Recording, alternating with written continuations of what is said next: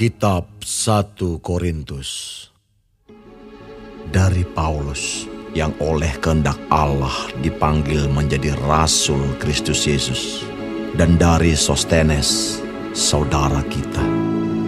Kepada jemaat Allah di Korintus, yaitu mereka yang dikuduskan dalam Kristus Yesus dan yang dipanggil menjadi orang-orang kudus.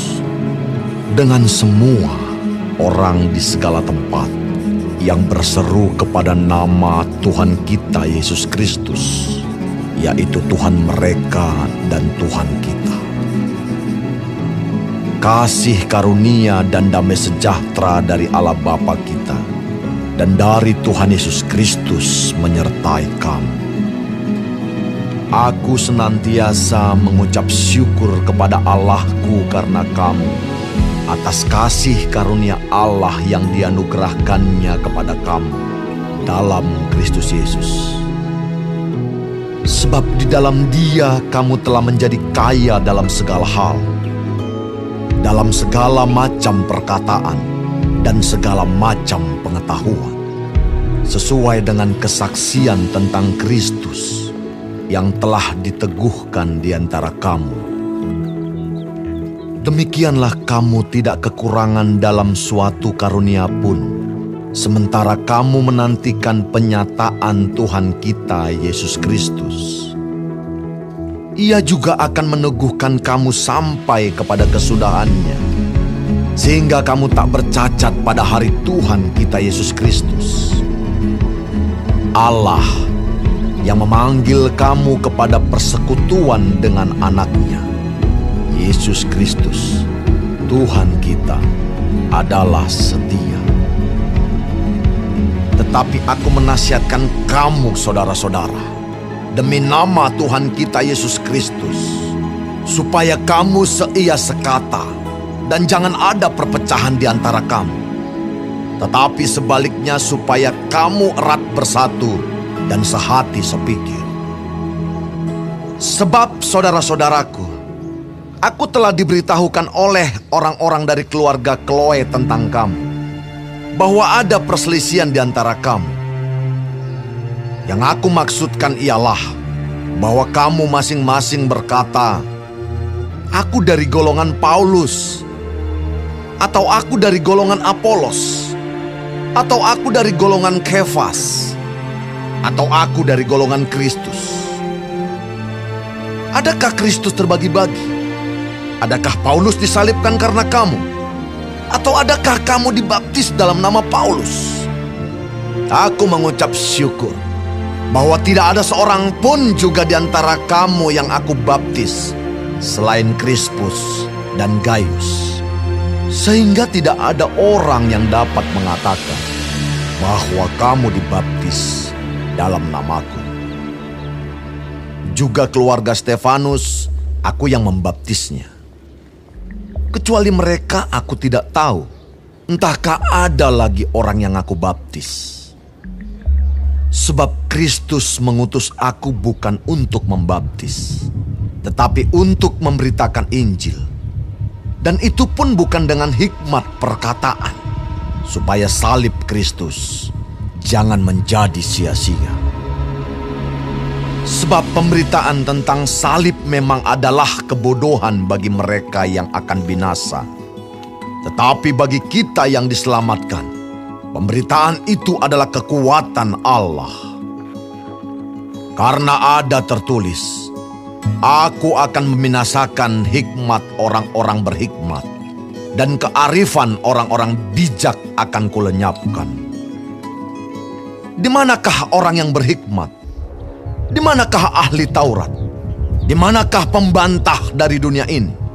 Bukankah Allah telah membuat hikmat dunia ini menjadi kebodohan? Oleh karena dunia, dalam hikmat Allah, tidak mengenal Allah oleh hikmatnya, maka Allah berkenan menyelamatkan mereka yang percaya oleh kebodohan pemberitaan Injil. Orang-orang Yahudi menghendaki tanda, dan orang-orang Yunani mencari hikmah. Tetapi kami memberitakan Kristus yang disalibkan. Untuk orang-orang Yahudi, suatu batu sandungan, dan untuk orang-orang bukan Yahudi suatu kebodohan. Tetapi untuk mereka yang dipanggil, baik orang Yahudi maupun orang bukan Yahudi, Kristus adalah kekuatan Allah dan hikmat Allah. Sebab yang bodoh dari Allah lebih besar hikmatnya daripada manusia.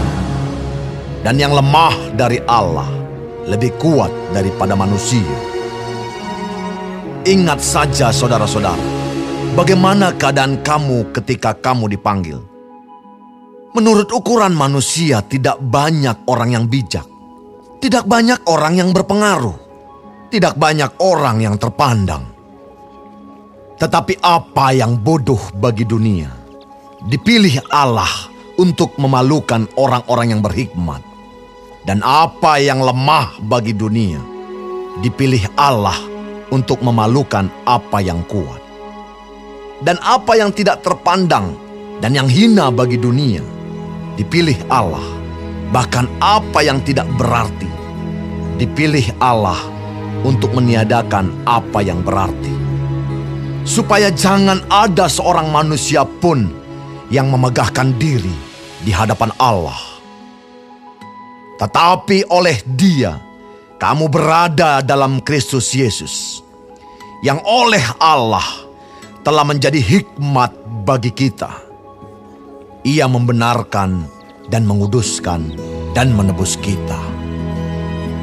Karena itu seperti ada tertulis, Barang siapa yang bermegah, hendaklah ia bermegah di dalam Tuhan.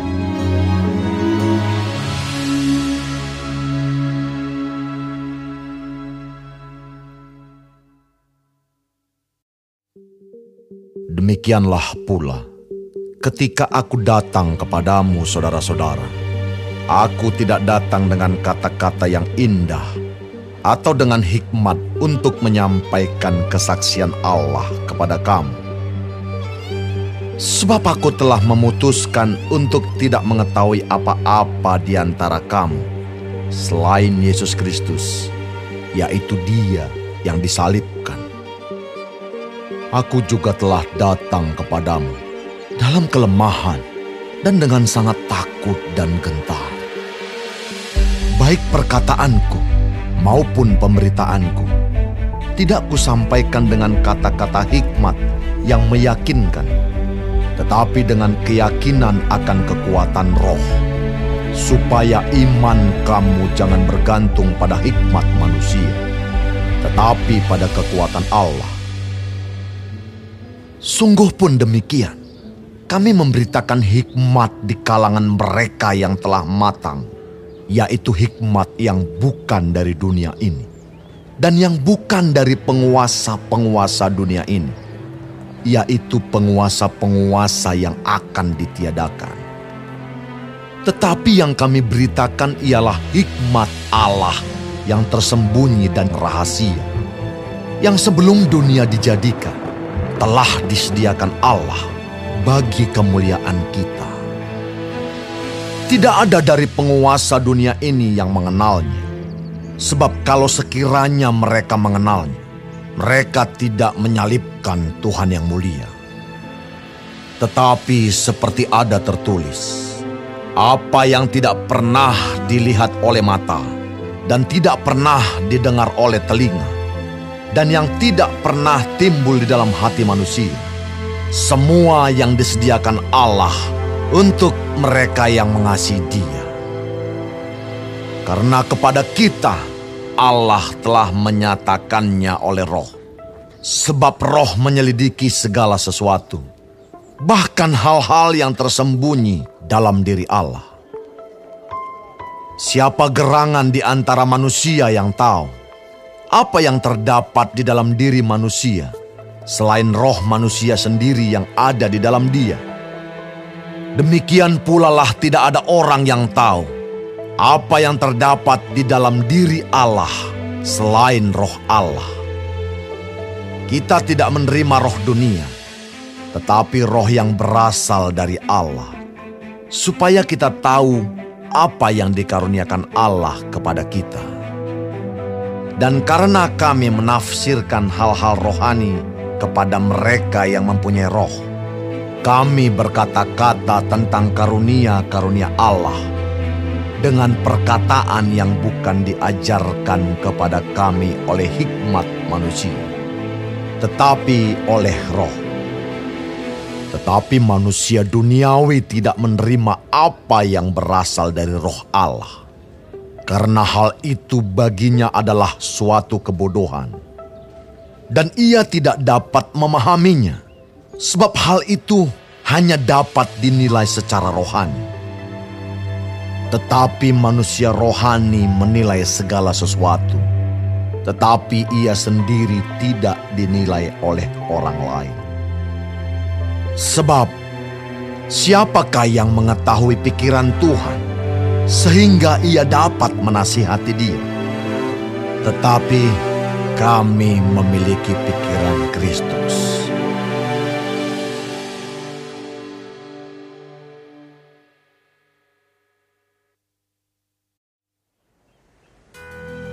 Dan aku, saudara-saudara, pada waktu itu tidak dapat berbicara dengan kamu seperti dengan manusia rohani, tetapi hanya dengan manusia duniawi yang belum dewasa dalam Kristus. Susulah yang kuberikan kepadamu, bukanlah makanan keras, sebab kamu belum dapat menerimanya. Dan sekarang pun, kamu belum dapat menerimanya. Karena kamu masih manusia duniawi. Sebab jika di antara kamu ada iri hati dan perselisihan, bukankah hal itu menunjukkan bahwa kamu manusia duniawi dan bahwa kamu hidup secara manusiawi? Karena jika yang seorang berkata, "Aku dari golongan Paulus," dan yang lain berkata, Aku dari golongan Apolos. Bukankah hal itu menunjukkan bahwa kamu manusia duniawi yang bukan rohani?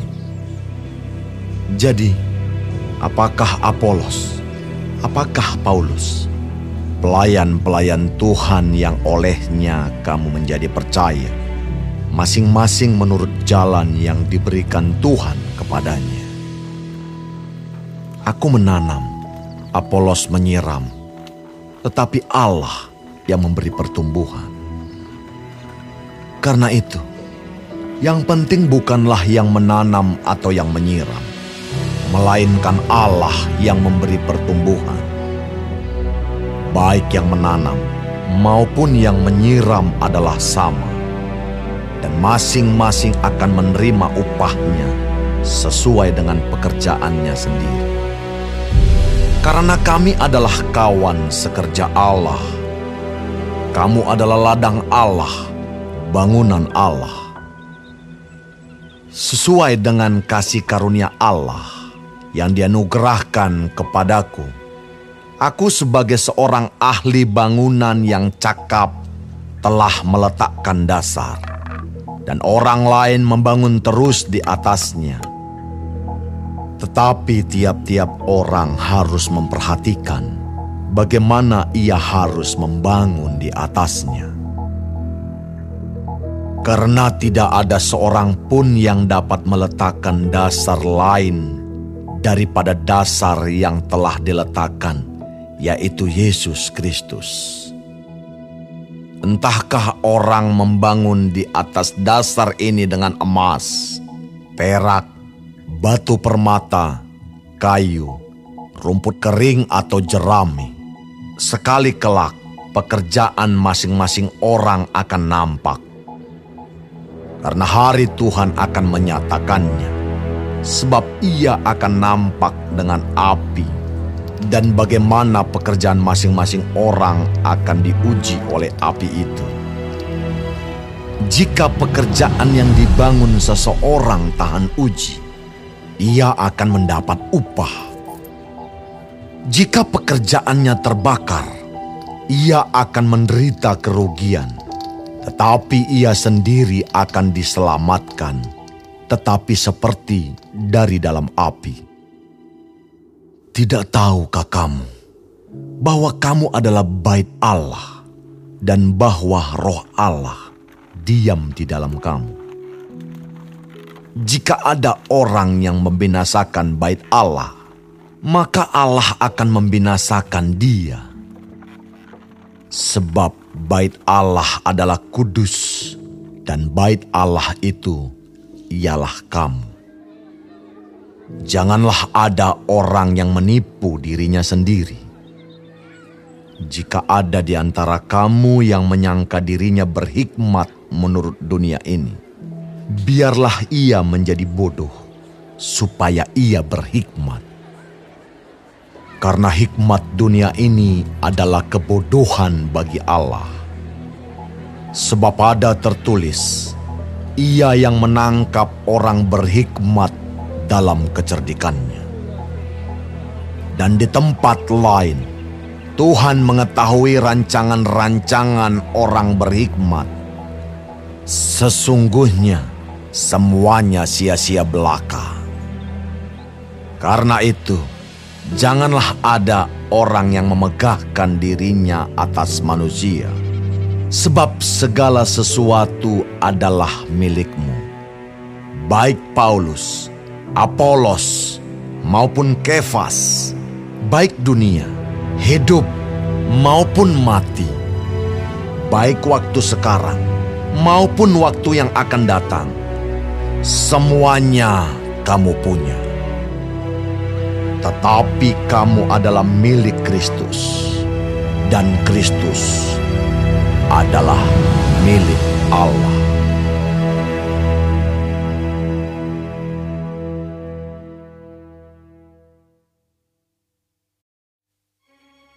Demikianlah hendaknya orang memandang kami sebagai hamba-hamba Kristus yang kepadanya dipercayakan rahasia Allah. Yang akhirnya dituntut dari pelayan-pelayan yang demikian ialah bahwa mereka ternyata dapat dipercayai. Bagiku sedikit sekali artinya entahkah aku dihakimi oleh kamu atau oleh suatu pengadilan manusia malahan diriku sendiri pun tidak kuhakimi. Sebab memang aku tidak sadar akan sesuatu, tetapi bukan karena itulah aku dibenarkan. Dia yang menghakimi aku, ialah Tuhan.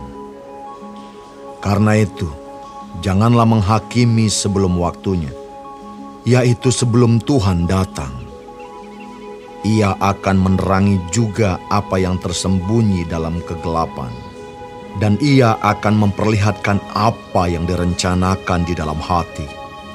Maka tiap-tiap orang akan menerima pujian dari Allah. Saudara-saudara, kata-kata ini aku kenakan pada diriku sendiri dan pada Apolos, karena kamu, supaya dari teladan kami kamu belajar apakah artinya ungkapan. Jangan melampaui yang ada tertulis, supaya jangan ada di antara kamu yang menyombongkan diri dengan jalan mengutamakan yang satu daripada yang lain. Sebab siapakah yang menganggap engkau begitu penting? Dan apakah yang engkau punyai yang tidak engkau terima? Dan jika engkau memang menerimanya, mengapakah engkau memegahkan diri? seolah-olah engkau tidak menerimanya. Kamu telah kenyang, kamu telah menjadi kaya. Tanpa kami, kamu telah menjadi raja. Ah, alangkah baiknya kalau benar demikian, bahwa kamu telah menjadi raja, sehingga kami pun turut menjadi raja dengan kamu. Sebab menurut pendapatku, Allah memberikan kepada kami, para rasul, tempat yang paling rendah. Sama seperti orang-orang yang telah dijatuhi hukuman mati. Sebab kami telah menjadi tontonan bagi dunia, bagi malaikat-malaikat, dan bagi manusia. Kami bodoh oleh karena Kristus, tetapi kamu arif dalam Kristus kami lemah, tetapi kamu kuat.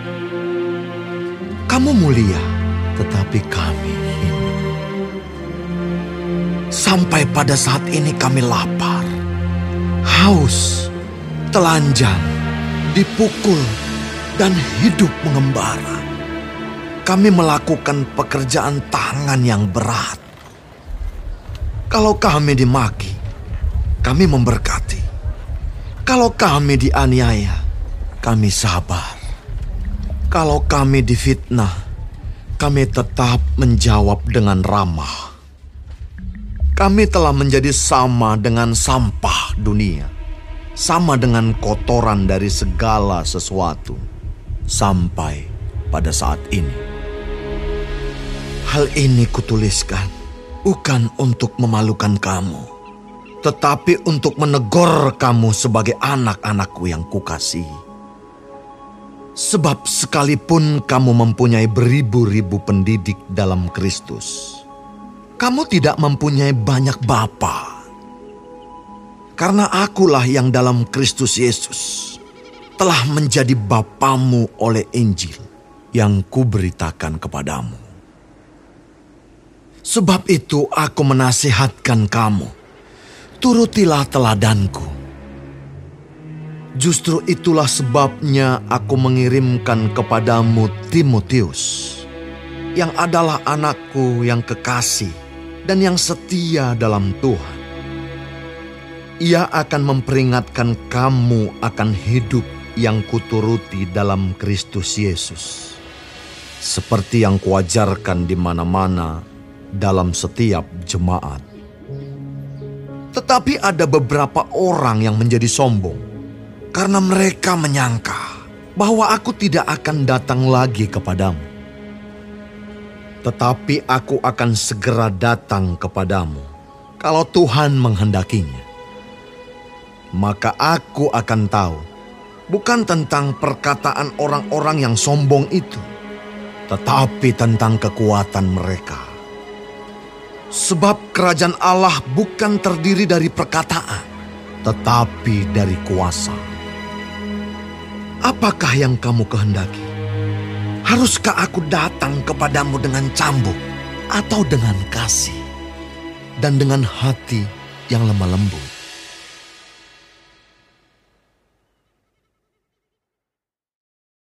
Memang orang mendengar bahwa ada percabulan di antara kamu dan percabulan yang begitu rupa.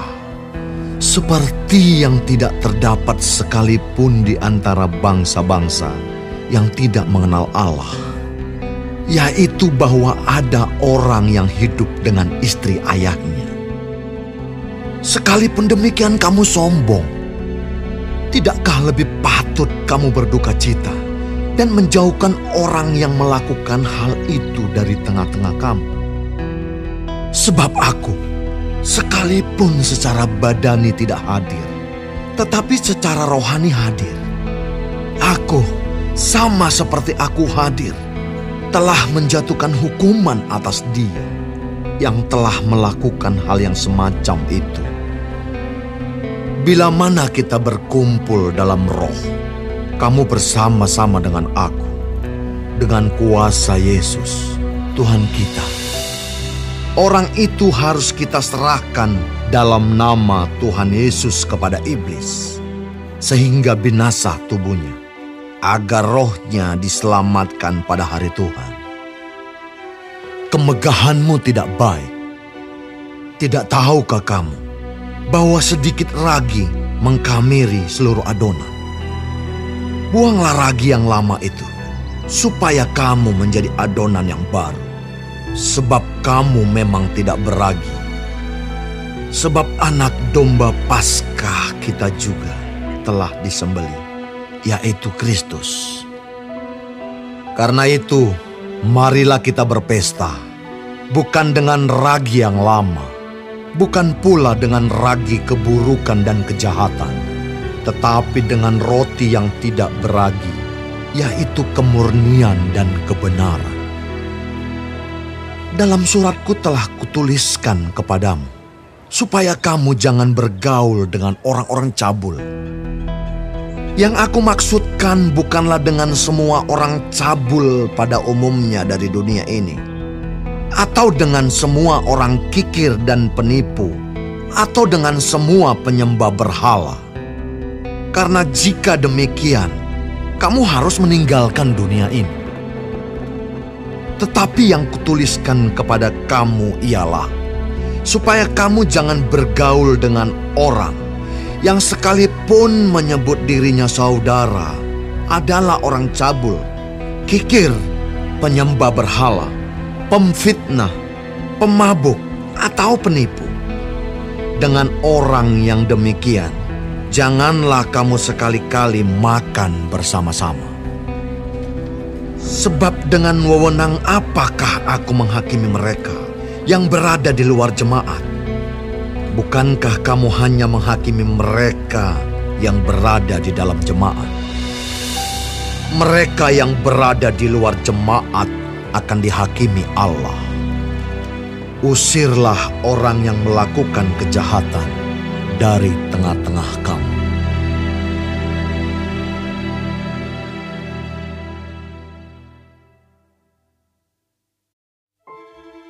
Dan sekarang, tentang hal-hal yang kamu tuliskan kepadaku adalah baik bagi laki-laki kalau ia tidak kawin. Tetapi mengingat bahaya percabulan, baiklah setiap laki-laki mempunyai istrinya sendiri, dan setiap perempuan mempunyai suaminya sendiri. Hendaklah suami memenuhi kewajibannya terhadap istrinya. Demikian pula istri terhadap suaminya. Istri tidak berkuasa atas tubuhnya sendiri, tetapi suaminya. Demikian pula suami tidak berkuasa atas tubuhnya sendiri, tetapi istrinya.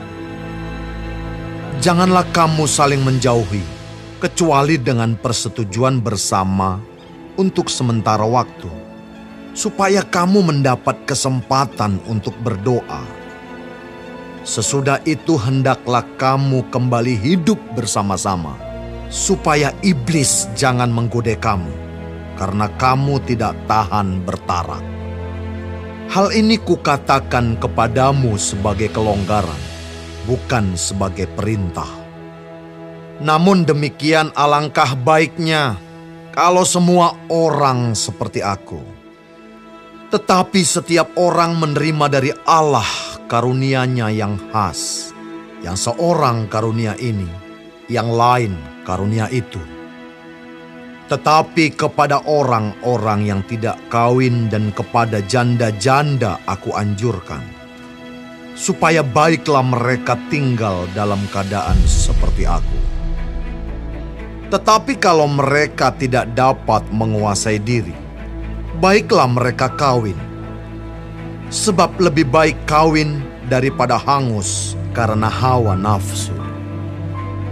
Kepada orang-orang yang telah kawin, aku tidak, bukan aku, tetapi Tuhan perintahkan supaya seorang istri tidak boleh menceraikan suaminya. Dan jikalau ia bercerai, ia harus tetap hidup tanpa suami atau berdamai dengan suaminya. Dan seorang suami tidak boleh menceraikan istrinya.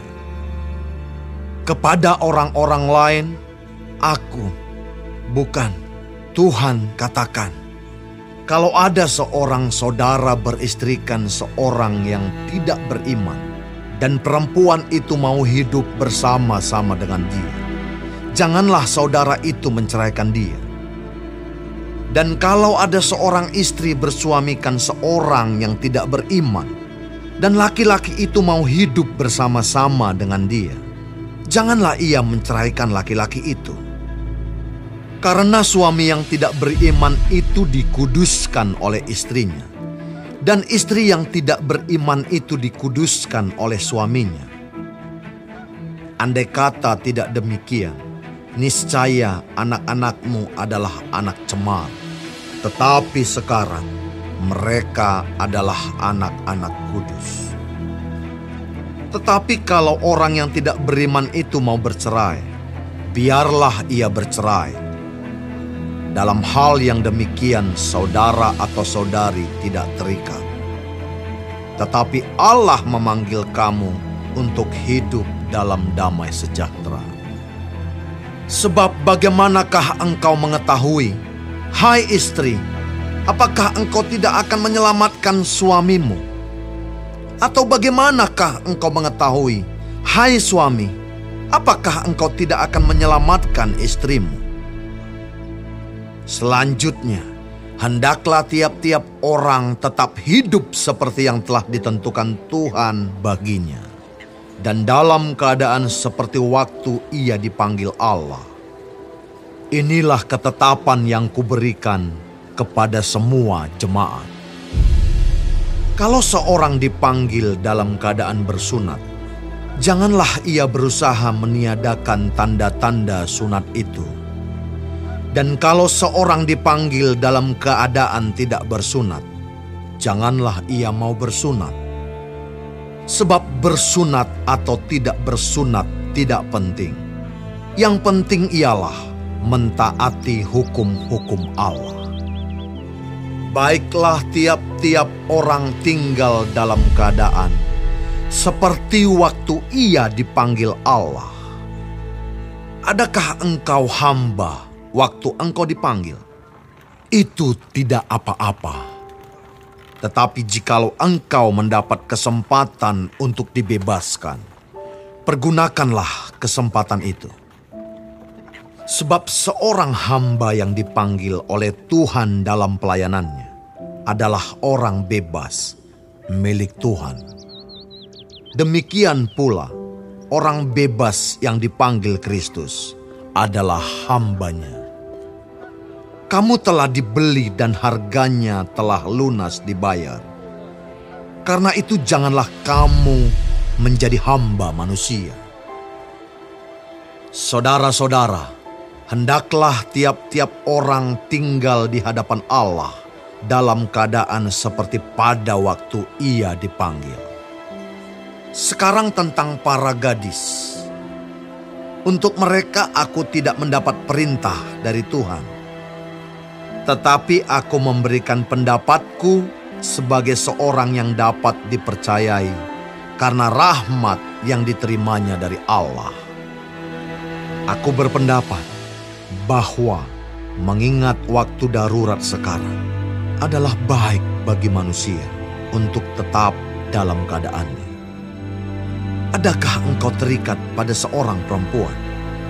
Janganlah engkau mengusahakan perceraian. Adakah engkau tidak terikat pada seorang perempuan? Janganlah engkau mencari seorang. Tetapi kalau engkau kawin, engkau tidak berdosa. Dan kalau seorang gadis kawin, ia tidak berbuat dosa. Tetapi orang-orang yang demikian akan ditimpa kesusahan badan, dan aku mau menghindarkan kamu dari kesusahan itu. Saudara-saudara, inilah yang kumaksudkan, yaitu waktu telah singkat. Karena itu, dalam waktu yang masih sisa ini, orang-orang yang beristri harus berlaku seolah-olah mereka tidak beristri. Dan orang-orang yang menangis seolah-olah tidak menangis. Dan orang-orang yang bergembira seolah-olah tidak bergembira. Dan orang-orang yang membeli seolah-olah tidak memiliki apa yang mereka beli. Pendeknya, orang-orang yang mempergunakan barang-barang duniawi seolah-olah sama sekali tidak mempergunakannya Sebab dunia seperti yang kita kenal sekarang akan berlalu. Aku ingin supaya kamu hidup tanpa kekhawatiran. Orang yang tidak beristri memusatkan perhatiannya pada perkara Tuhan, bagaimana Tuhan berkenan kepadanya. Orang yang beristri memusatkan perhatiannya pada perkara duniawi, bagaimana ia dapat menyenangkan istrinya. Dan dengan demikian, perhatiannya terbagi-bagi. Perempuan yang tidak bersuami dan anak-anak gadis memusatkan perhatian mereka pada perkara Tuhan, supaya tubuh dan jiwa mereka kudus. Tetapi perempuan yang bersuami memusatkan perhatiannya pada perkara duniawi, bagaimana ia dapat menyenangkan suaminya. Semuanya ini kukatakan untuk kepentingan kamu sendiri, bukan untuk menghalang-halangi kamu dalam kebebasan kamu, tetapi sebaliknya, supaya kamu melakukan apa yang benar dan baik, dan melayani Tuhan tanpa gangguan. Tetapi jikalau seorang menyangka bahwa ia tidak berlaku wajar terhadap gadisnya, jika gadisnya itu telah bertambah tua, dan ia benar-benar merasa bahwa mereka harus kawin. Baiklah mereka kawin kalau ia menghendakinya. Hal itu bukan dosa. Tetapi kalau ada seorang yang tidak dipaksa untuk berbuat demikian, benar-benar yakin dalam hatinya dan benar-benar menguasai kemauannya, telah mengambil keputusan untuk tidak kawin dengan gadisnya. Ia berbuat baik. Jadi orang yang kawin dengan gadisnya berbuat baik. Dan orang yang tidak kawin dengan gadisnya berbuat lebih baik. Istri terikat selama suaminya hidup. Kalau suaminya telah meninggal, ia bebas untuk kawin dengan siapa saja yang dikehendakinya, asal orang itu adalah seorang yang percaya. Tetapi menurut pendapatku, ia lebih berbahagia kalau ia tetap tinggal dalam keadaannya. Dan aku berpendapat bahwa aku juga mempunyai roh Allah.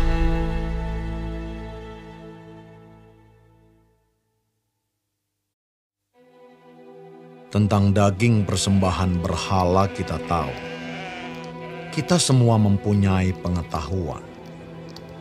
Pengetahuan yang demikian membuat orang menjadi sombong, tetapi kasih membangun. Jika ada seorang menyangka bahwa ia mempunyai sesuatu pengetahuan, maka ia belum juga mencapai pengetahuan sebagaimana yang harus dicapainya. Tetapi orang yang mengasihi Allah, ia dikenal oleh Allah. Tentang hal makan daging persembahan berhala kita tahu, tidak ada berhala di dunia, dan tidak ada Allah lain daripada Allah yang Esa. Sebab sungguh pun ada, apa yang disebut Allah, baik di surga maupun di bumi, dan memang benar ada banyak Allah dan banyak Tuhan yang demikian. Namun bagi kita hanya ada satu Allah saja, yaitu Bapa, yang daripadanya berasal segala sesuatu dan yang untuk dia kita hidup. Dan satu Tuhan saja, yaitu Yesus Kristus, yang olehnya segala sesuatu telah dijadikan, dan yang karena dia kita hidup tetapi bukan semua orang yang mempunyai pengetahuan itu. Ada orang yang karena masih terus terikat pada berhala-berhala, makan daging itu sebagai daging persembahan berhala. Dan oleh karena hati nurani mereka lemah, hati nurani mereka itu dinodai olehnya.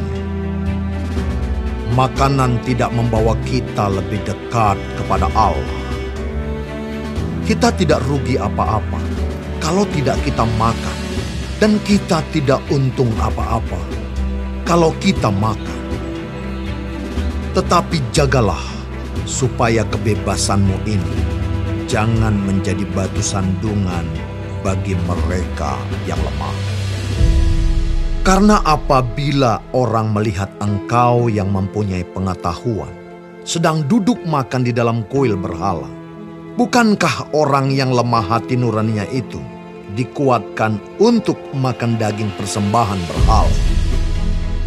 Dengan jalan demikian, orang yang lemah, yaitu saudaramu, yang untuknya Kristus telah mati menjadi binasa karena pengetahuan. Jika engkau secara demikian berdosa terhadap saudara-saudaramu dan melukai hati nurani mereka yang lemah, engkau pada hakikatnya berdosa terhadap Kristus. Karena itu, apabila makanan menjadi batu sandungan bagi saudaraku, aku untuk selama-lamanya tidak akan mau makan daging lagi, supaya aku jangan menjadi batu sandungan bagi saudara.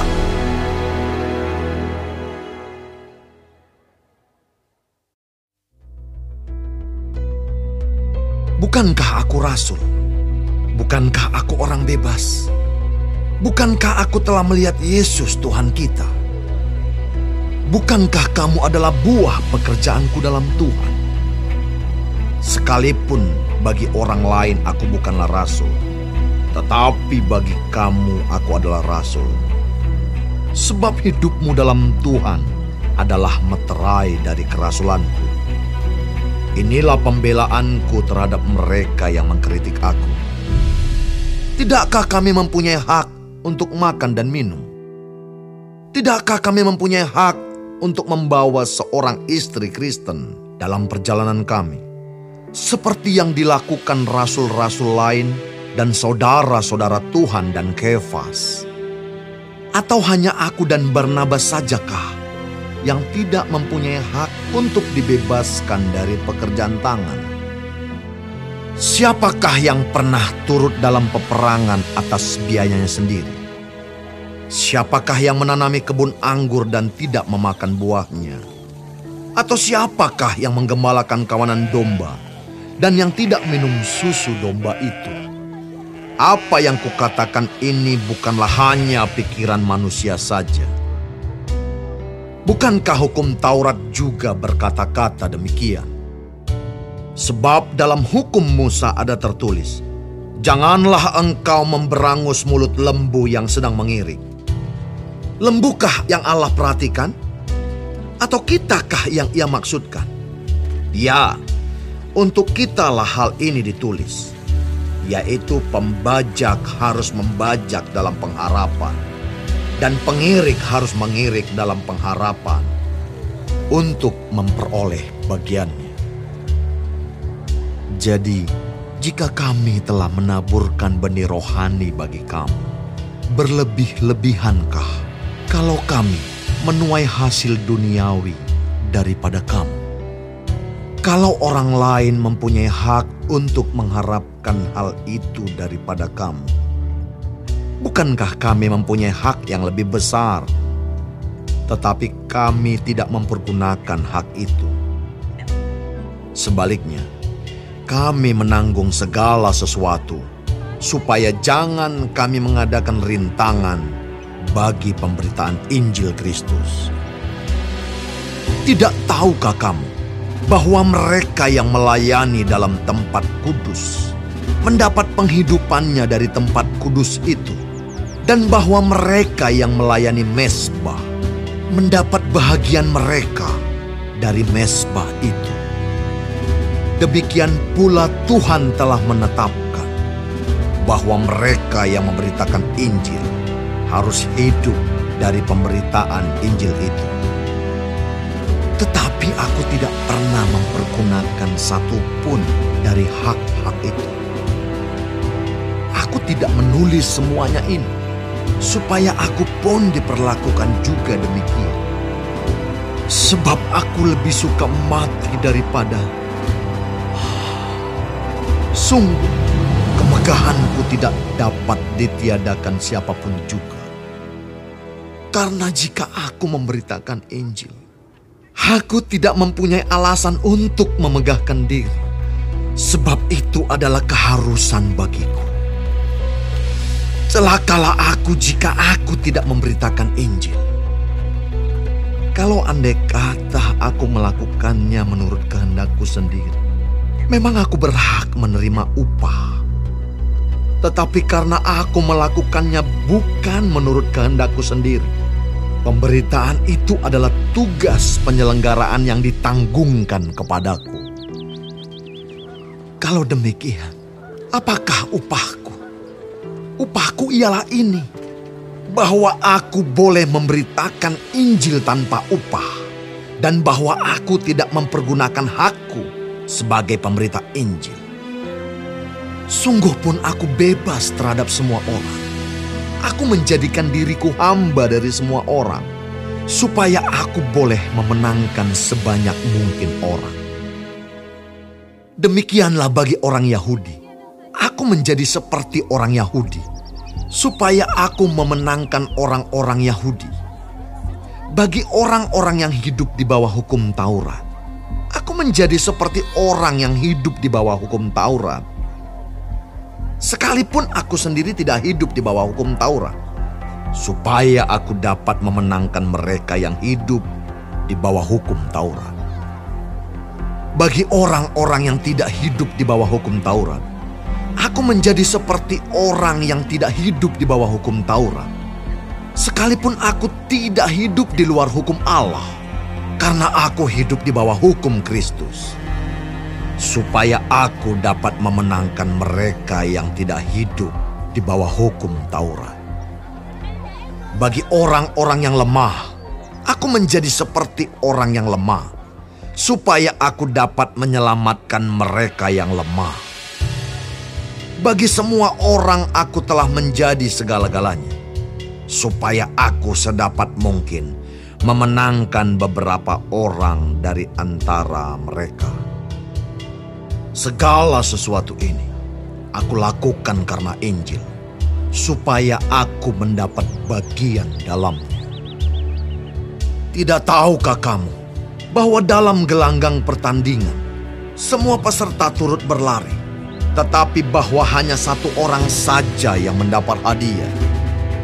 Karena itu, larilah begitu rupa sehingga kamu memperolehnya tiap-tiap orang yang turut mengambil bagian dalam pertandingan, menguasai dirinya dalam segala hal.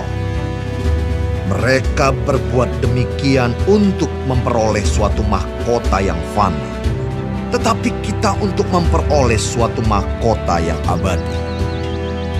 Sebab itu, aku tidak berlari tanpa tujuan, dan aku bukan petinju yang sembarangan saja memukul.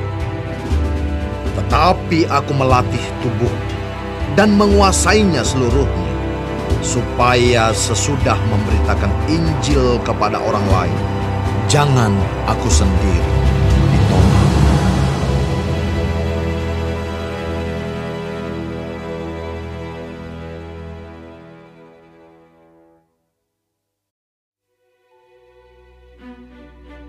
Aku mau supaya kamu mengetahui saudara-saudara bahwa nenek moyang kita semua berada di bawah perlindungan awan, dan bahwa mereka semua telah melintasi laut.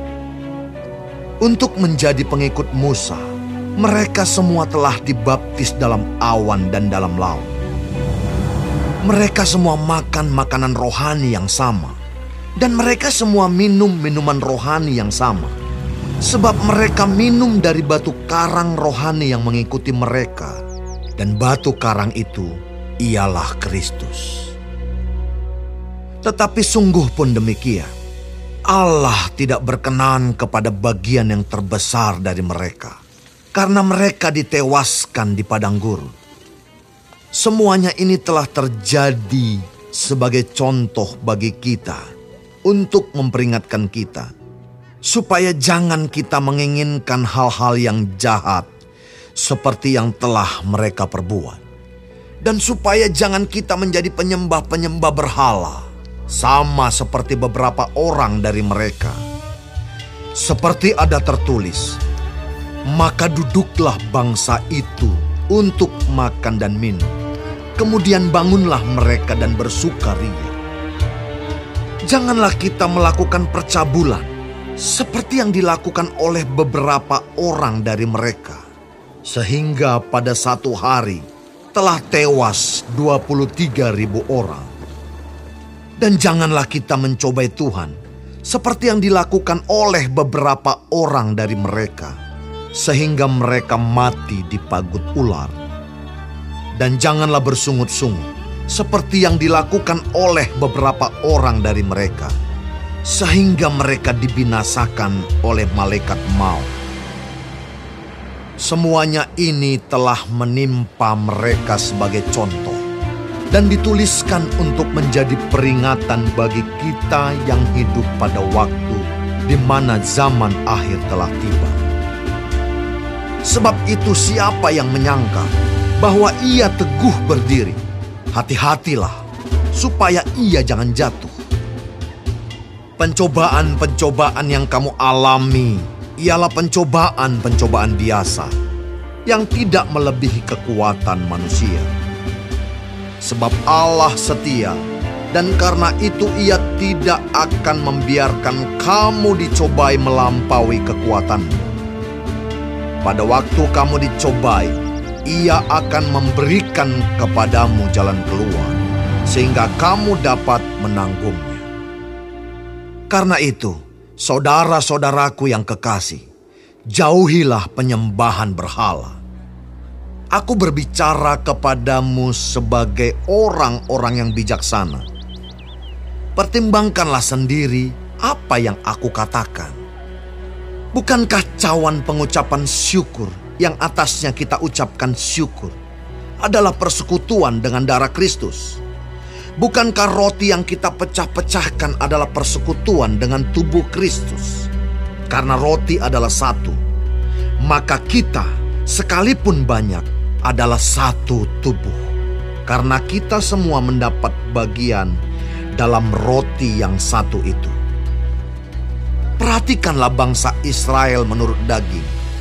Bukankah mereka yang makan apa yang dipersembahkan mendapat bagian dalam pelayanan mesbah? Apakah yang kumaksudkan dengan perkataan itu? Bahwa persembahan berhala adalah sesuatu? Atau bahwa berhala adalah sesuatu? Bukan. Apa yang kumaksudkan ialah bahwa persembahan mereka adalah persembahan kepada roh-roh jahat, bukan kepada Allah. Dan aku tidak mau bahwa kamu bersekutu dengan roh-roh jahat. Kamu tidak dapat minum dari cawan Tuhan dan juga dari cawan roh-roh jahat. Kamu tidak dapat mendapat bagian dalam perjamuan Tuhan dan juga dalam perjamuan roh-roh jahat. Atau maukah kita membangkitkan cemburu Tuhan? Apakah kita lebih kuat daripada Dia? Segala sesuatu diperbolehkan, benar, tetapi bukan segala sesuatu berguna. Jangan seorang pun yang mencari keuntungannya sendiri, tetapi hendaklah tiap-tiap orang mencari keuntungan orang lain. Kamu boleh makan segala sesuatu yang dijual di pasar daging tanpa mengadakan pemeriksaan karena keberatan-keberatan hati nurani. Karena bumi serta segala isinya adalah milik Tuhan. Kalau kamu diundang makan oleh seorang yang tidak percaya dan undangan itu kamu terima, makanlah apa saja yang dihidangkan kepadamu tanpa mengadakan pemeriksaan karena keberatan-keberatan hati nurani. Tetapi kalau seorang berkata kepadamu, itu persembahan berhala, janganlah engkau memakannya, oleh karena dia yang mengatakan hal itu kepadamu, dan karena keberatan-keberatan hati nurani. Yang aku maksudkan dengan keberatan-keberatan bukanlah keberatan-keberatan hati nuranimu sendiri, tetapi keberatan-keberatan hati nurani orang lain itu. Mungkin ada orang yang berkata, "Mengapa kebebasanku harus ditentukan oleh keberatan-keberatan hati nurani orang lain?" Kalau aku mengucap syukur atas apa yang aku turut memakanmu, Mengapa orang berkata jahat tentang aku karena makanan yang atasnya aku mengucap syukur? Aku menjawab, jika engkau makan atau jika engkau minum, atau jika engkau melakukan sesuatu yang lain, lakukanlah semuanya itu untuk kemuliaan Allah. Janganlah kamu menimbulkan siak dalam hati orang, baik orang Yahudi atau orang Yunani, maupun jemaat Allah. Sama seperti aku juga, berusaha menyenangkan hati semua orang dalam segala hal, bukan untuk kepentingan diriku, tetapi untuk kepentingan orang banyak, supaya mereka beroleh selamat.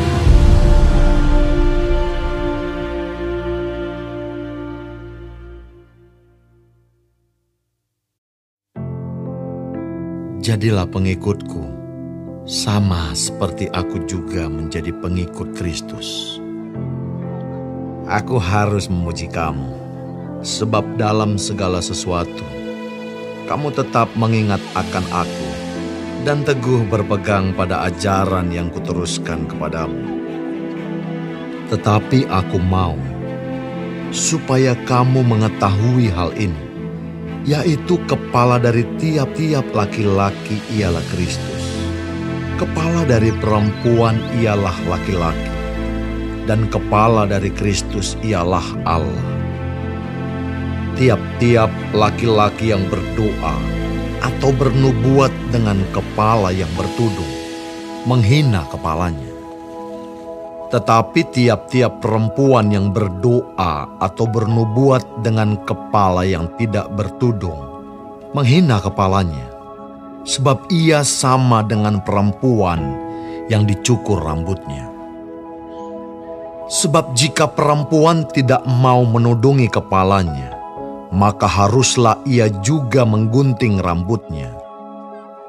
Tetapi jika bagi perempuan adalah penghinaan bahwa rambutnya digunting atau dicukur, maka haruslah ia menudungi kepalanya. Sebab laki-laki tidak perlu menudungi kepalanya. Ia menyinarkan gambaran dan kemuliaan Allah, tetapi perempuan menyinarkan kemuliaan laki-laki. Sebab laki-laki tidak berasal dari perempuan, tetapi perempuan berasal dari laki-laki. Dan laki-laki tidak diciptakan karena perempuan, tetapi perempuan diciptakan karena laki-laki. Sebab itu, perempuan harus memakai tanda wibawa di kepalanya oleh karena para malaikat. Namun demikian, dalam Tuhan tidak ada perempuan tanpa laki-laki, dan tidak ada laki-laki tanpa perempuan. Sebab sama seperti perempuan berasal dari laki-laki, demikian pula laki-laki dilahirkan oleh perempuan, dan segala sesuatu berasal dari Allah.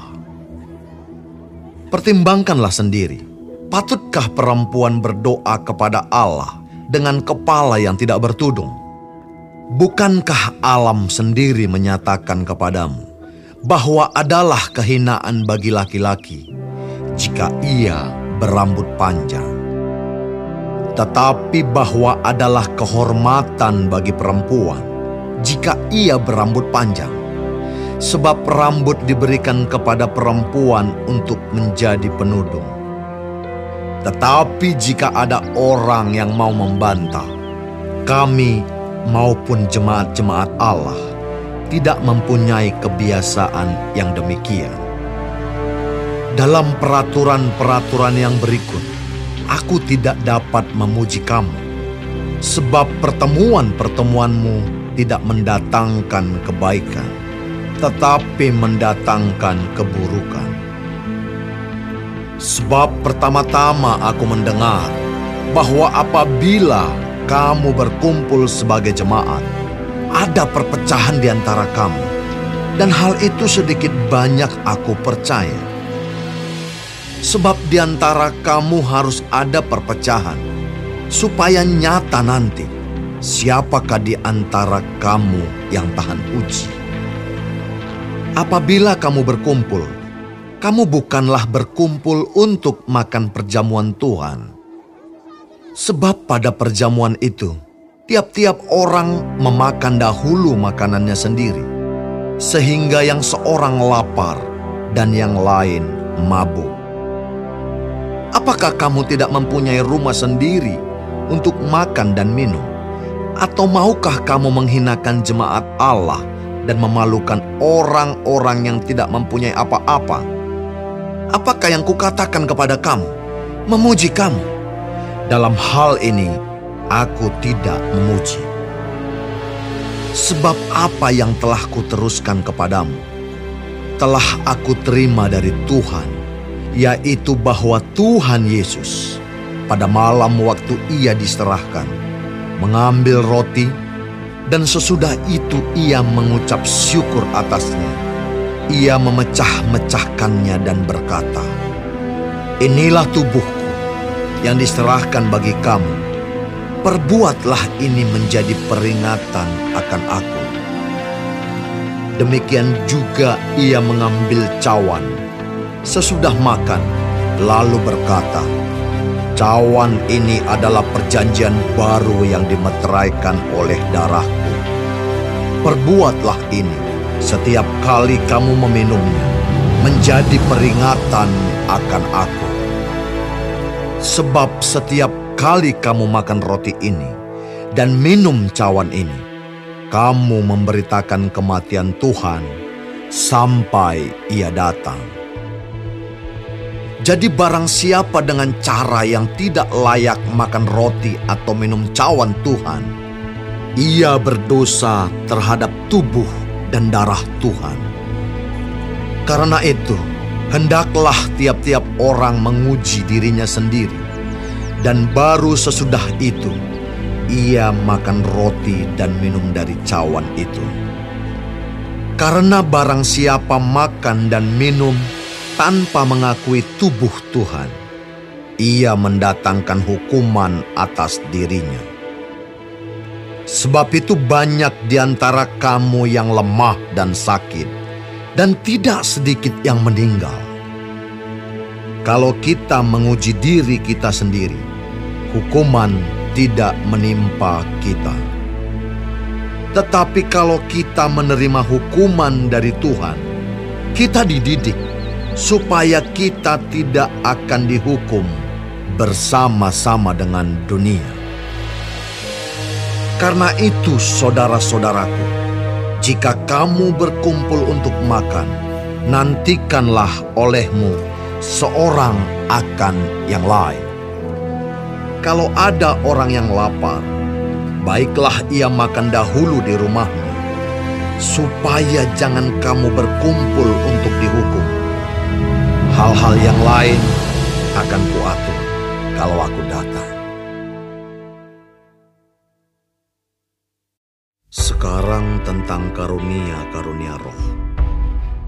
Aku mau, saudara-saudara, supaya kamu mengetahui kebenarannya kamu tahu bahwa pada waktu kamu masih belum mengenal Allah, kamu tanpa berpikir ditarik kepada berhala-berhala yang bisu.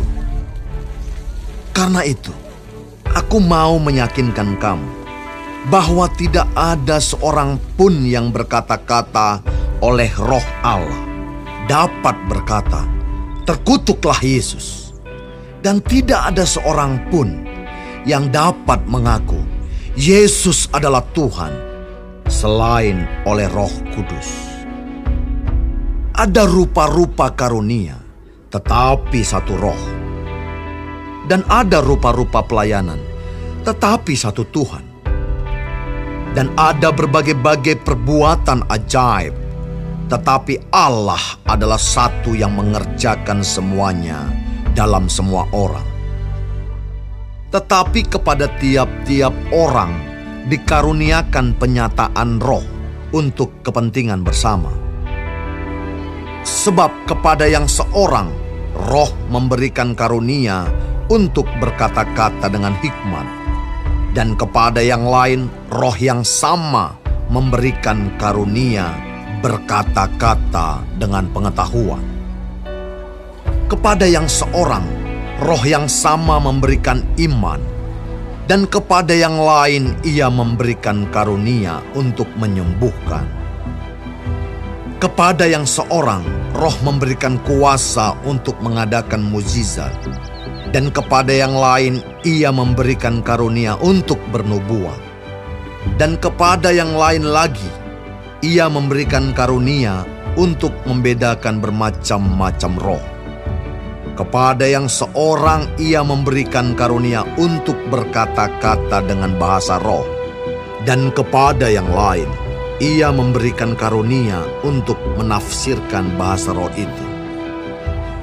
Tetapi semuanya ini dikerjakan oleh roh yang satu dan yang sama, yang memberikan karunia kepada tiap-tiap orang secara khusus, seperti yang dikehendakinya. Karena sama seperti tubuh itu satu, dan anggota-anggotanya banyak, dan segala anggota itu sekalipun banyak, merupakan satu tubuh. Demikian pula Kristus. Sebab dalam satu roh, kita semua, baik orang Yahudi maupun orang Yunani, baik budak maupun orang merdeka, telah dibaptis menjadi satu tubuh dan kita semua diberi minum dari satu roh. Karena tubuh juga tidak terdiri dari satu anggota, tetapi atas banyak anggota. Andai kata kaki berkata, "Karena aku bukan tangan, aku tidak termasuk tubuh." Jadi, benarkah ia tidak termasuk tubuh? Dan andai kata telinga berkata, "Karena aku bukan mata, aku tidak termasuk tubuh." Jadi, benarkah ia tidak termasuk tubuh? Andai kata tubuh seluruhnya adalah mata, di manakah pendengaran? Andai kata seluruhnya adalah telinga, di manakah penciuman? Tetapi Allah telah memberikan kepada anggota masing-masing secara khusus suatu tempat pada tubuh seperti yang dikehendakinya. Andai kata semuanya adalah satu anggota, di manakah tubuh? Memang ada banyak anggota, tetapi hanya satu tubuh. Jadi, mata tidak dapat berkata kepada tangan, "Aku tidak membutuhkan engkau." Dan kepala tidak dapat berkata kepada kaki, "Aku tidak membutuhkan engkau." Malahan justru anggota-anggota tubuh yang nampaknya paling lemah, yang paling dibutuhkan dan kepada anggota-anggota tubuh yang menurut pemandangan kita kurang terhormat, kita berikan penghormatan khusus. Dan terhadap anggota-anggota kita yang tidak elok, kita berikan perhatian khusus. Hal itu tidak dibutuhkan oleh anggota-anggota kita yang elok. Allah telah menyusun tubuh kita begitu rupa, sehingga kepada anggota-anggota yang tidak mulia, diberikan penghormatan khusus, supaya jangan terjadi perpecahan dalam tubuh, tetapi supaya anggota-anggota yang berbeda itu saling memperhatikan. Karena itu, jika satu anggota menderita, semua anggota turut menderita. Jika satu anggota dihormati, semua anggota turut bersuka cita kamu semua adalah tubuh Kristus, dan kamu masing-masing adalah anggotanya. Dan Allah telah menetapkan beberapa orang dalam jemaat. Pertama sebagai rasul, kedua sebagai nabi, ketiga sebagai pengajar. Selanjutnya, mereka yang mendapat karunia untuk mengadakan mujizat, untuk menyembuhkan, untuk melayani, untuk memimpin, dan untuk berkata-kata dalam bahasa roh. Adakah mereka semua rasul, atau nabi, atau pengajar? Adakah mereka semua mendapat karunia untuk mengadakan mujizat, atau untuk menyembuhkan, atau untuk berkata-kata dalam bahasa roh, atau untuk menafsirkan bahasa roh? Jadi, berusahalah untuk memperoleh karunia-karunia yang paling utama. Dan aku menunjukkan kepadamu jalan yang lebih utama lagi.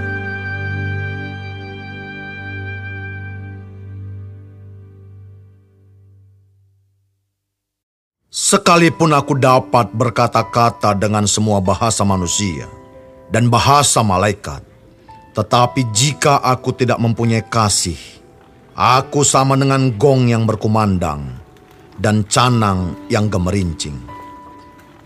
Sekalipun aku mempunyai karunia untuk bernubuat, dan aku mengetahui segala rahasia dan memiliki seluruh pengetahuan, dan sekalipun aku memiliki iman yang sempurna untuk memindahkan gunung, tetapi jika aku tidak mempunyai kasih, aku sama sekali tidak berguna. Dan sekalipun aku membagi-bagikan segala sesuatu yang ada padaku, bahkan menyerahkan tubuhku untuk dibakar, tetapi jika aku tidak mempunyai kasih, sedikit pun tidak ada faedahnya bagiku. Kasih itu sabar, kasih itu murah hati, ia tidak cemburu, ia tidak memegahkan diri dan tidak sombong. Ia tidak melakukan yang tidak sopan dan tidak mencari keuntungan diri sendiri. Ia tidak pemarah dan tidak menyimpan kesalahan orang lain. Ia tidak bersuka cita karena ketidakadilan, tetapi karena kebenaran. Ia menutupi segala sesuatu, percaya segala sesuatu, mengharapkan segala sesuatu, sabar menanggung segala sesuatu. Kasih tidak berkesudahan, nubuat akan berakhir, bahasa roh akan berhenti, pengetahuan akan lenyap. Sebab pengetahuan kita tidak lengkap dan nubuat kita tidak sempurna. Tetapi jika yang sempurna tiba, maka yang tidak sempurna itu akan lenyap. Ketika aku kanak-kanak, aku berkata-kata seperti kanak-kanak. Aku merasa seperti kanak-kanak. Aku berpikir seperti kanak-kanak. Sekarang sesudah aku menjadi dewasa, aku meninggalkan sifat kanak-kanak itu. Karena sekarang kita melihat dalam cermin suatu gambaran yang samar-samar. Tetapi nanti kita akan melihat muka dengan muka. Sekarang aku hanya mengenal dengan tidak sempurna, tetapi nanti aku akan mengenal dengan sempurna seperti aku sendiri dikenal. Demikianlah tinggal ketiga hal ini, yaitu iman, pengharapan, dan kasih. Dan yang paling besar di antaranya ialah kasih.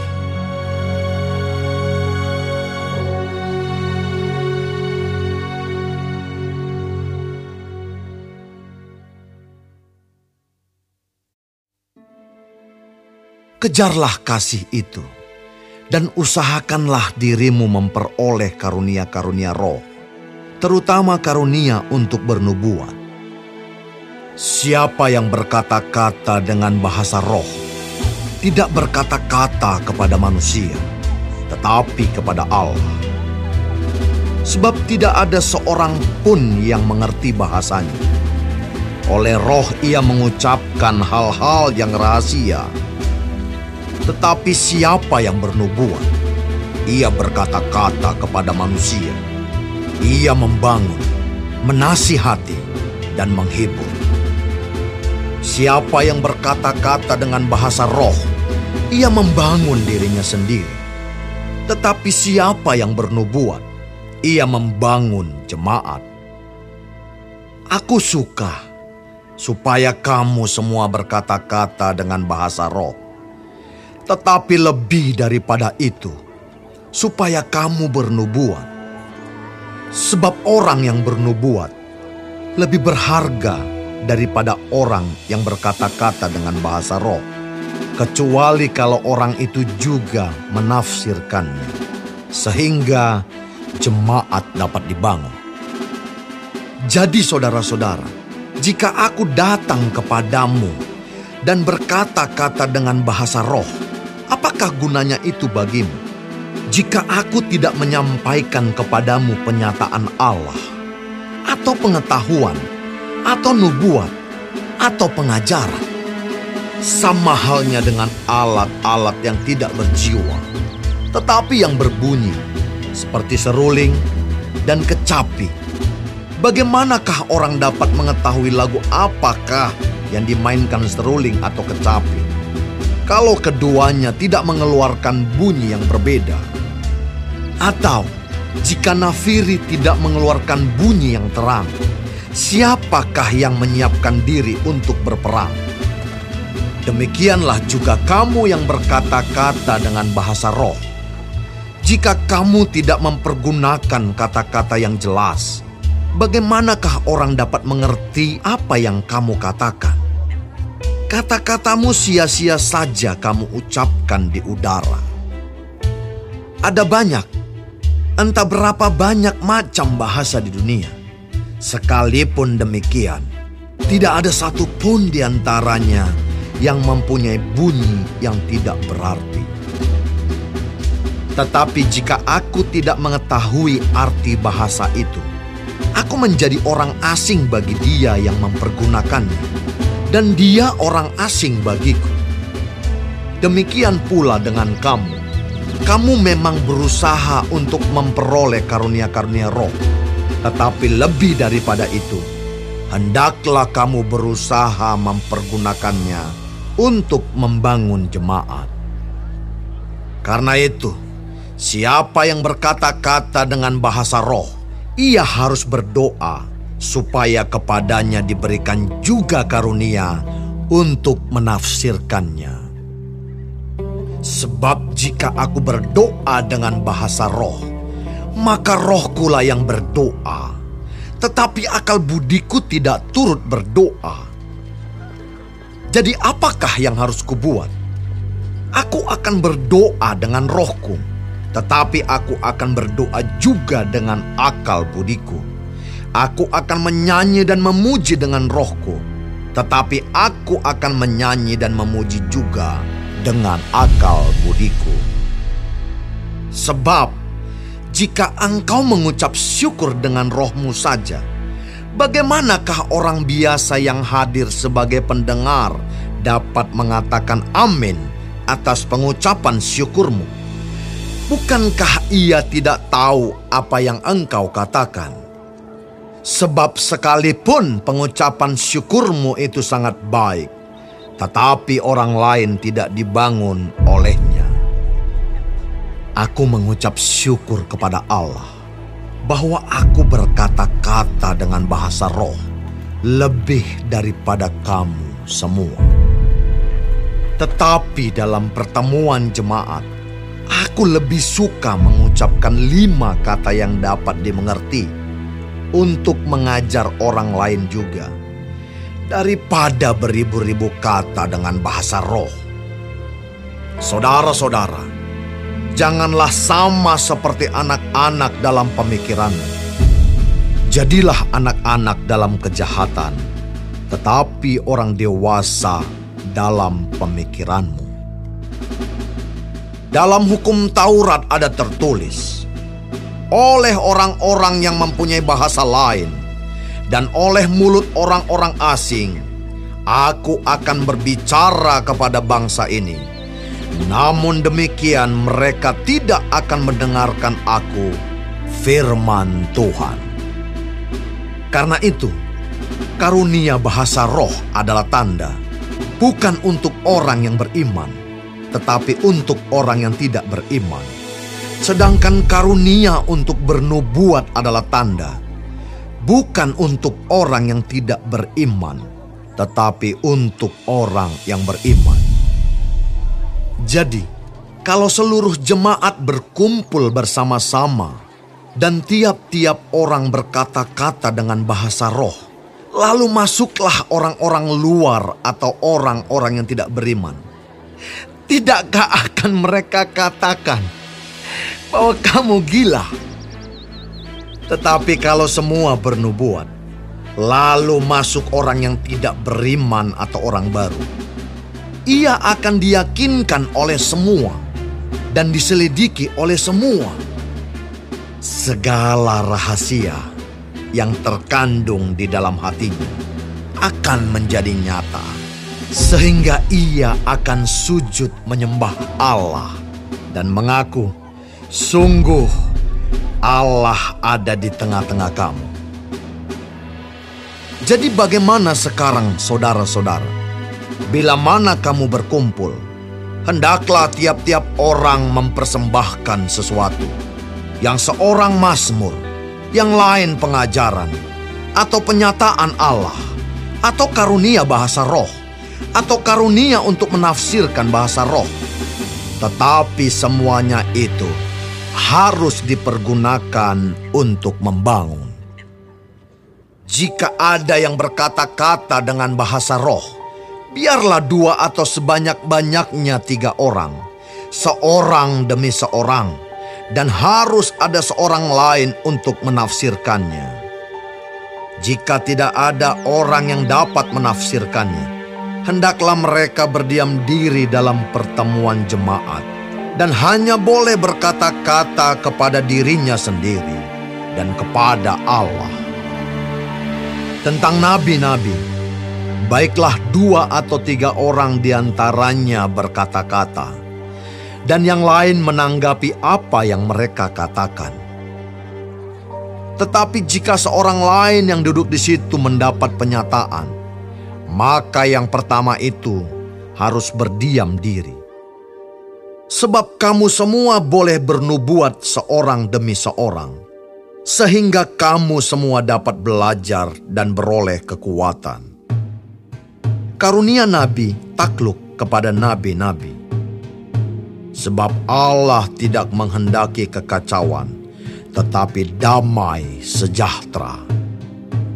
Sama seperti dalam semua jemaat orang-orang kudus perempuan-perempuan harus berdiam diri dalam pertemuan-pertemuan jemaat, sebab mereka tidak diperbolehkan untuk berbicara. Mereka harus menundukkan diri, seperti yang dikatakan juga oleh hukum Taurat. Jika mereka ingin mengetahui sesuatu, baiklah mereka menanyakannya kepada suaminya di rumah sebab tidak sopan bagi perempuan untuk berbicara dalam pertemuan jemaat. Atau adakah firman Allah mulai dari kamu? Atau hanya kepada kamu saja firman itu telah datang? Jika seorang menganggap dirinya nabi atau orang yang mendapat karunia rohani, ia harus sadar bahwa apa yang kukatakan kepadamu adalah perintah Tuhan. Tetapi jika ia tidak mengindahkannya, janganlah kamu mengindahkan dia. Karena itu, saudara-saudaraku, usahakanlah dirimu untuk memperoleh karunia untuk bernubuat. Dan janganlah melarang orang yang berkata-kata dengan bahasa roh. Tetapi segala sesuatu harus berlangsung dengan sopan dan teratur.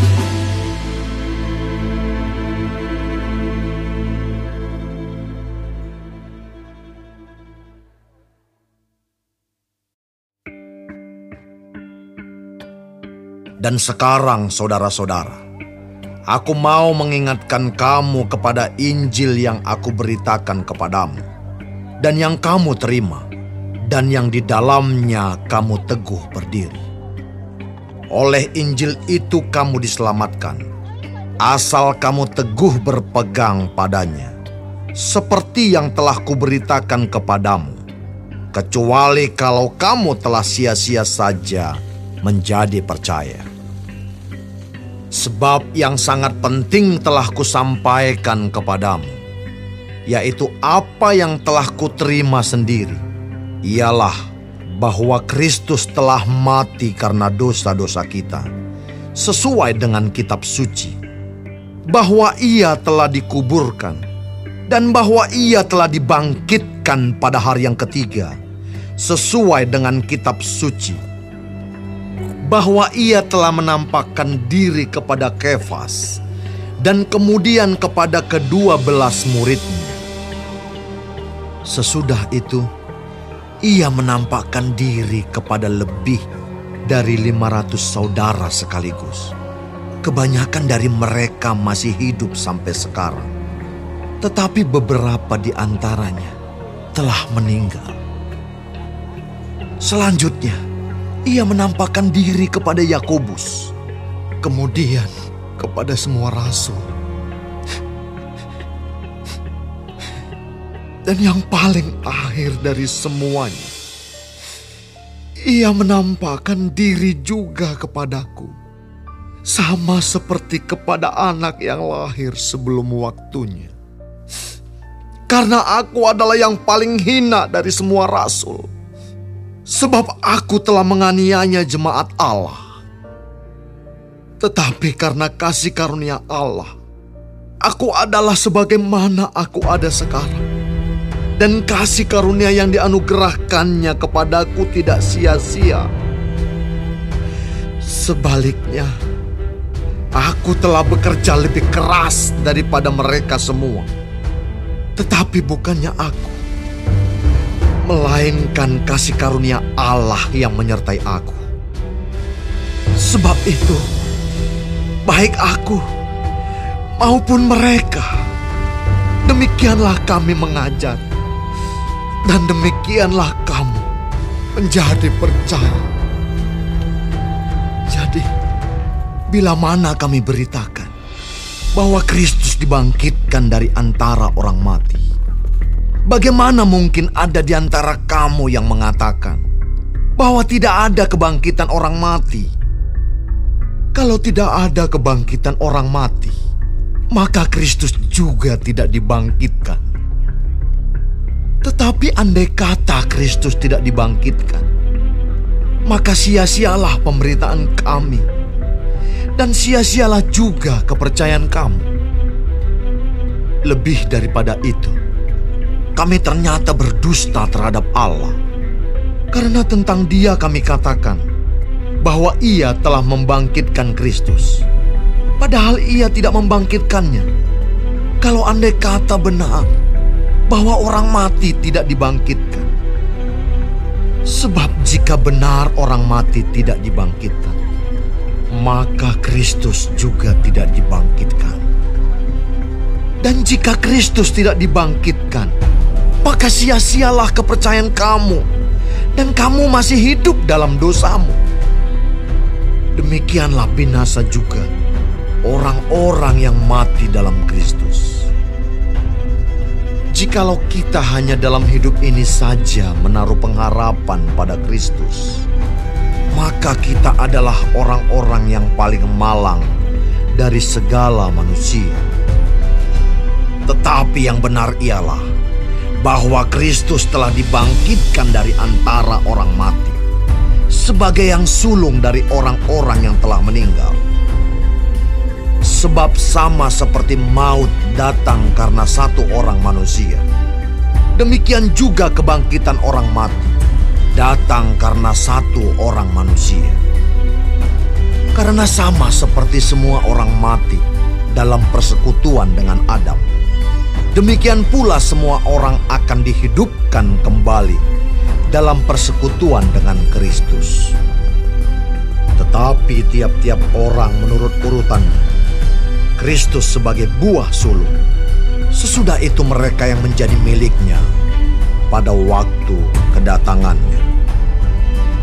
Kemudian tiba kesudahannya, yaitu bila mana ia menyerahkan kerajaan kepada Allah Bapa sesudah ia membinasakan segala pemerintahan, kekuasaan, dan kekuatan. Karena ia harus memegang pemerintahan sebagai raja, sampai Allah meletakkan semua musuhnya di bawah kakinya. Musuh yang terakhir yang dibinasakan ialah maut.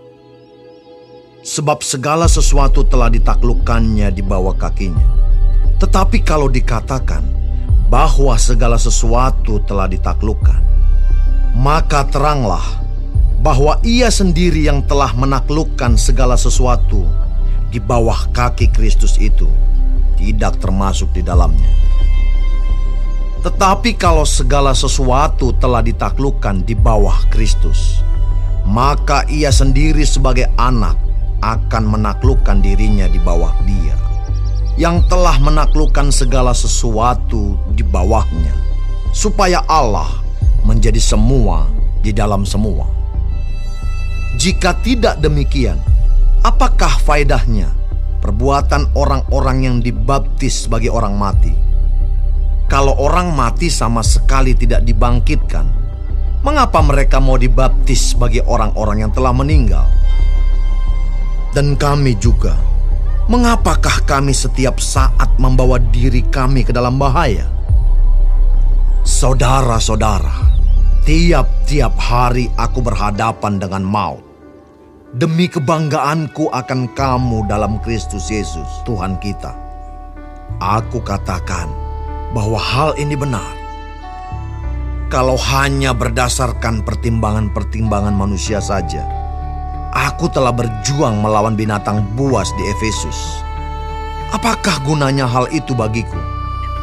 Jika orang mati tidak dibangkitkan, maka marilah kita makan dan minum, sebab besok kita mati. Janganlah kamu sesat. Pergaulan yang buruk merusakkan kebiasaan yang baik. Sadarlah kembali sebaik-baiknya dan jangan berbuat dosa lagi.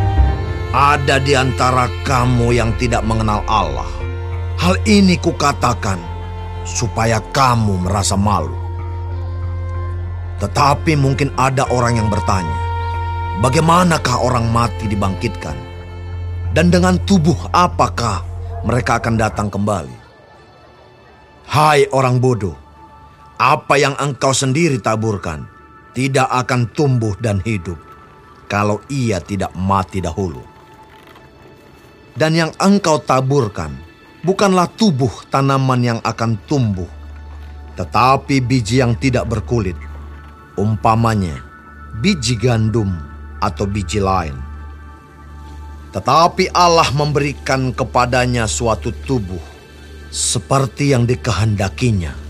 Ia memberikan kepada tiap-tiap biji tubuhnya sendiri. Bukan semua daging sama. Daging manusia lain daripada daging binatang, lain daripada daging burung, lain daripada daging ikan.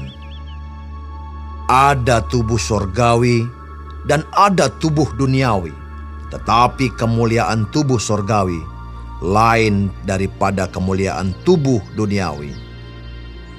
Kemuliaan matahari lain daripada kemuliaan bulan, dan kemuliaan bulan lain daripada kemuliaan bintang-bintang, dan kemuliaan bintang yang satu berbeda dengan kemuliaan bintang yang lain.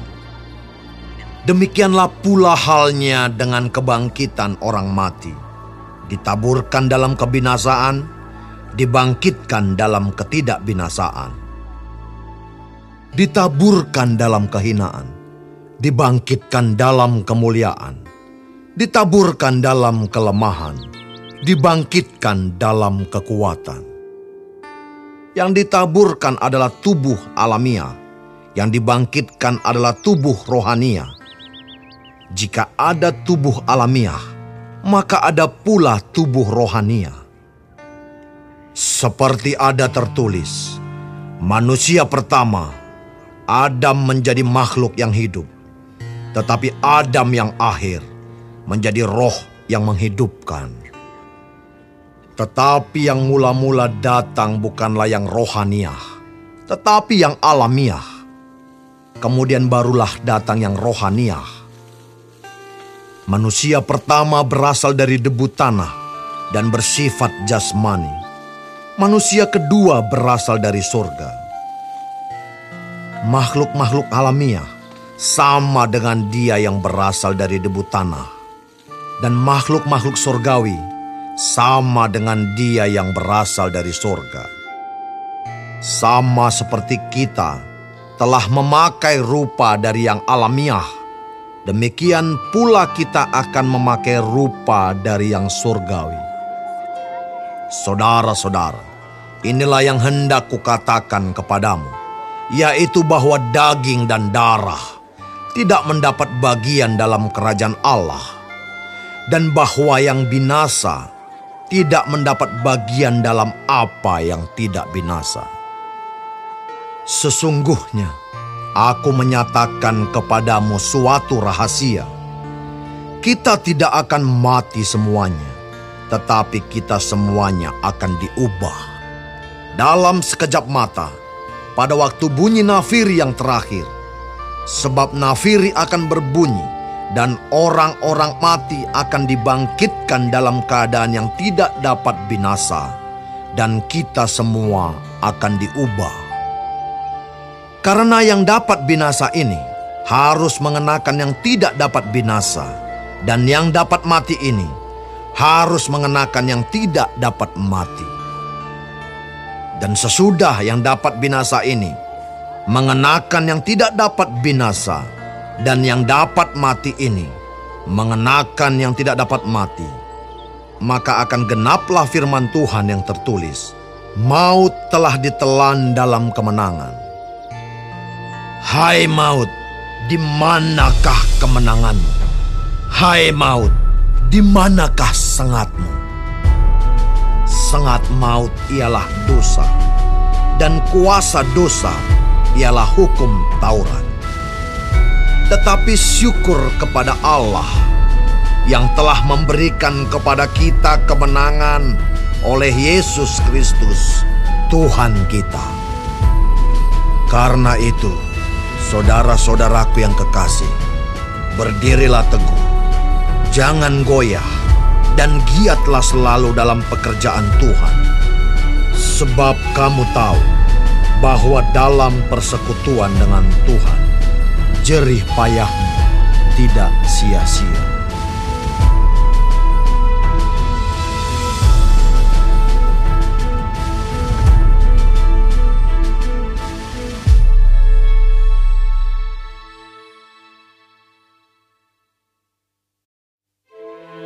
Tentang pengumpulan uang bagi orang-orang kudus. Hendaklah kamu berbuat sesuai dengan petunjuk-petunjuk yang kuberikan kepada jemaat-jemaat di Galatia. Pada hari pertama dari tiap-tiap minggu, hendaklah kamu masing-masing sesuai dengan apa yang kamu peroleh, menyisihkan sesuatu dan menyimpannya di rumah, supaya jangan pengumpulan itu baru diadakan kalau aku datang. Sesudah aku tiba, aku akan mengutus orang-orang yang kamu anggap layak dengan surat ke Yerusalem untuk menyampaikan pemberianmu. Kalau ternyata penting bahwa aku juga pergi, maka mereka akan pergi bersama-sama dengan aku. Aku akan datang kepadamu sesudah aku melintasi Makedonia, sebab aku akan melintasi Makedonia. Dan di Korintus, Mungkin aku akan tinggal beberapa lamanya dengan kamu, atau mungkin aku akan tinggal selama musim dingin, sehingga kamu dapat menolong aku untuk melanjutkan perjalananku. Sebab sekarang aku tidak mau melihat kamu hanya sepintas lalu saja. Aku harap dapat tinggal agak lama dengan kamu jika diperkenankan Tuhan tetapi aku akan tinggal di Efesus sampai hari raya Pentakosta. Sebab di sini banyak kesempatan bagiku untuk mengerjakan pekerjaan yang besar dan penting, sekalipun ada banyak penentang. Jika Timotius datang kepadamu, usahakanlah supaya ia berada di tengah-tengah kamu tanpa takut, sebab ia mengerjakan pekerjaan Tuhan sama seperti aku. Jadi janganlah ada orang yang menganggapnya rendah, tetapi tolonglah dia, supaya ia melanjutkan perjalanannya dengan selamat, agar ia datang kembali kepadaku, sebab aku di sini menunggu kedatangannya bersama-sama dengan saudara-saudara yang lain. Tentang saudara Apolos, telah berulang-ulang aku mendesaknya untuk bersama-sama dengan saudara-saudara lain mengunjungi kamu, tetapi ia sama sekali tidak mau datang sekarang. Kalau ada kesempatan baik nanti, ia akan datang. Berjaga-jagalah, berdirilah dengan teguh dalam iman bersikaplah sebagai laki-laki dan tetap kuat. Lakukanlah segala pekerjaanmu dalam kasih. Ada suatu permintaan lagi kepadamu, saudara-saudara. Kamu tahu bahwa Stefanus dan keluarganya adalah orang-orang yang pertama-tama bertobat di Akaya, dan bahwa mereka telah mengabdikan diri kepada pelayanan orang-orang kudus karena itu taatilah orang-orang yang demikian. Dan setiap orang yang turut bekerja dan berjerih payah. Aku bergembira atas kedatangan Stefanus, Fortunatus, dan Akaikus. Karena mereka melengkapi apa yang masih kurang padamu. Karena mereka menyegarkan rohku dan roh kamu. Hargailah orang-orang yang demikian Salam kepadamu dari jemaat-jemaat di Asia Kecil. Aquila, Priscilla, dan jemaat di rumah mereka menyampaikan berlimpah-limpah salam kepadamu. Salam kepadamu dari saudara-saudara semuanya. Sampaikanlah salam seorang kepada yang lain dengan cium kudus. Dengan tanganku sendiri aku menulis ini. Salam dari Paulus. Siapa yang tidak mengasihi Tuhan, terkutuklah ia. Maranatha. Kasih karunia Tuhan Yesus menyertai kamu. Kasihku menyertai kamu sekalian dalam Kristus Yesus.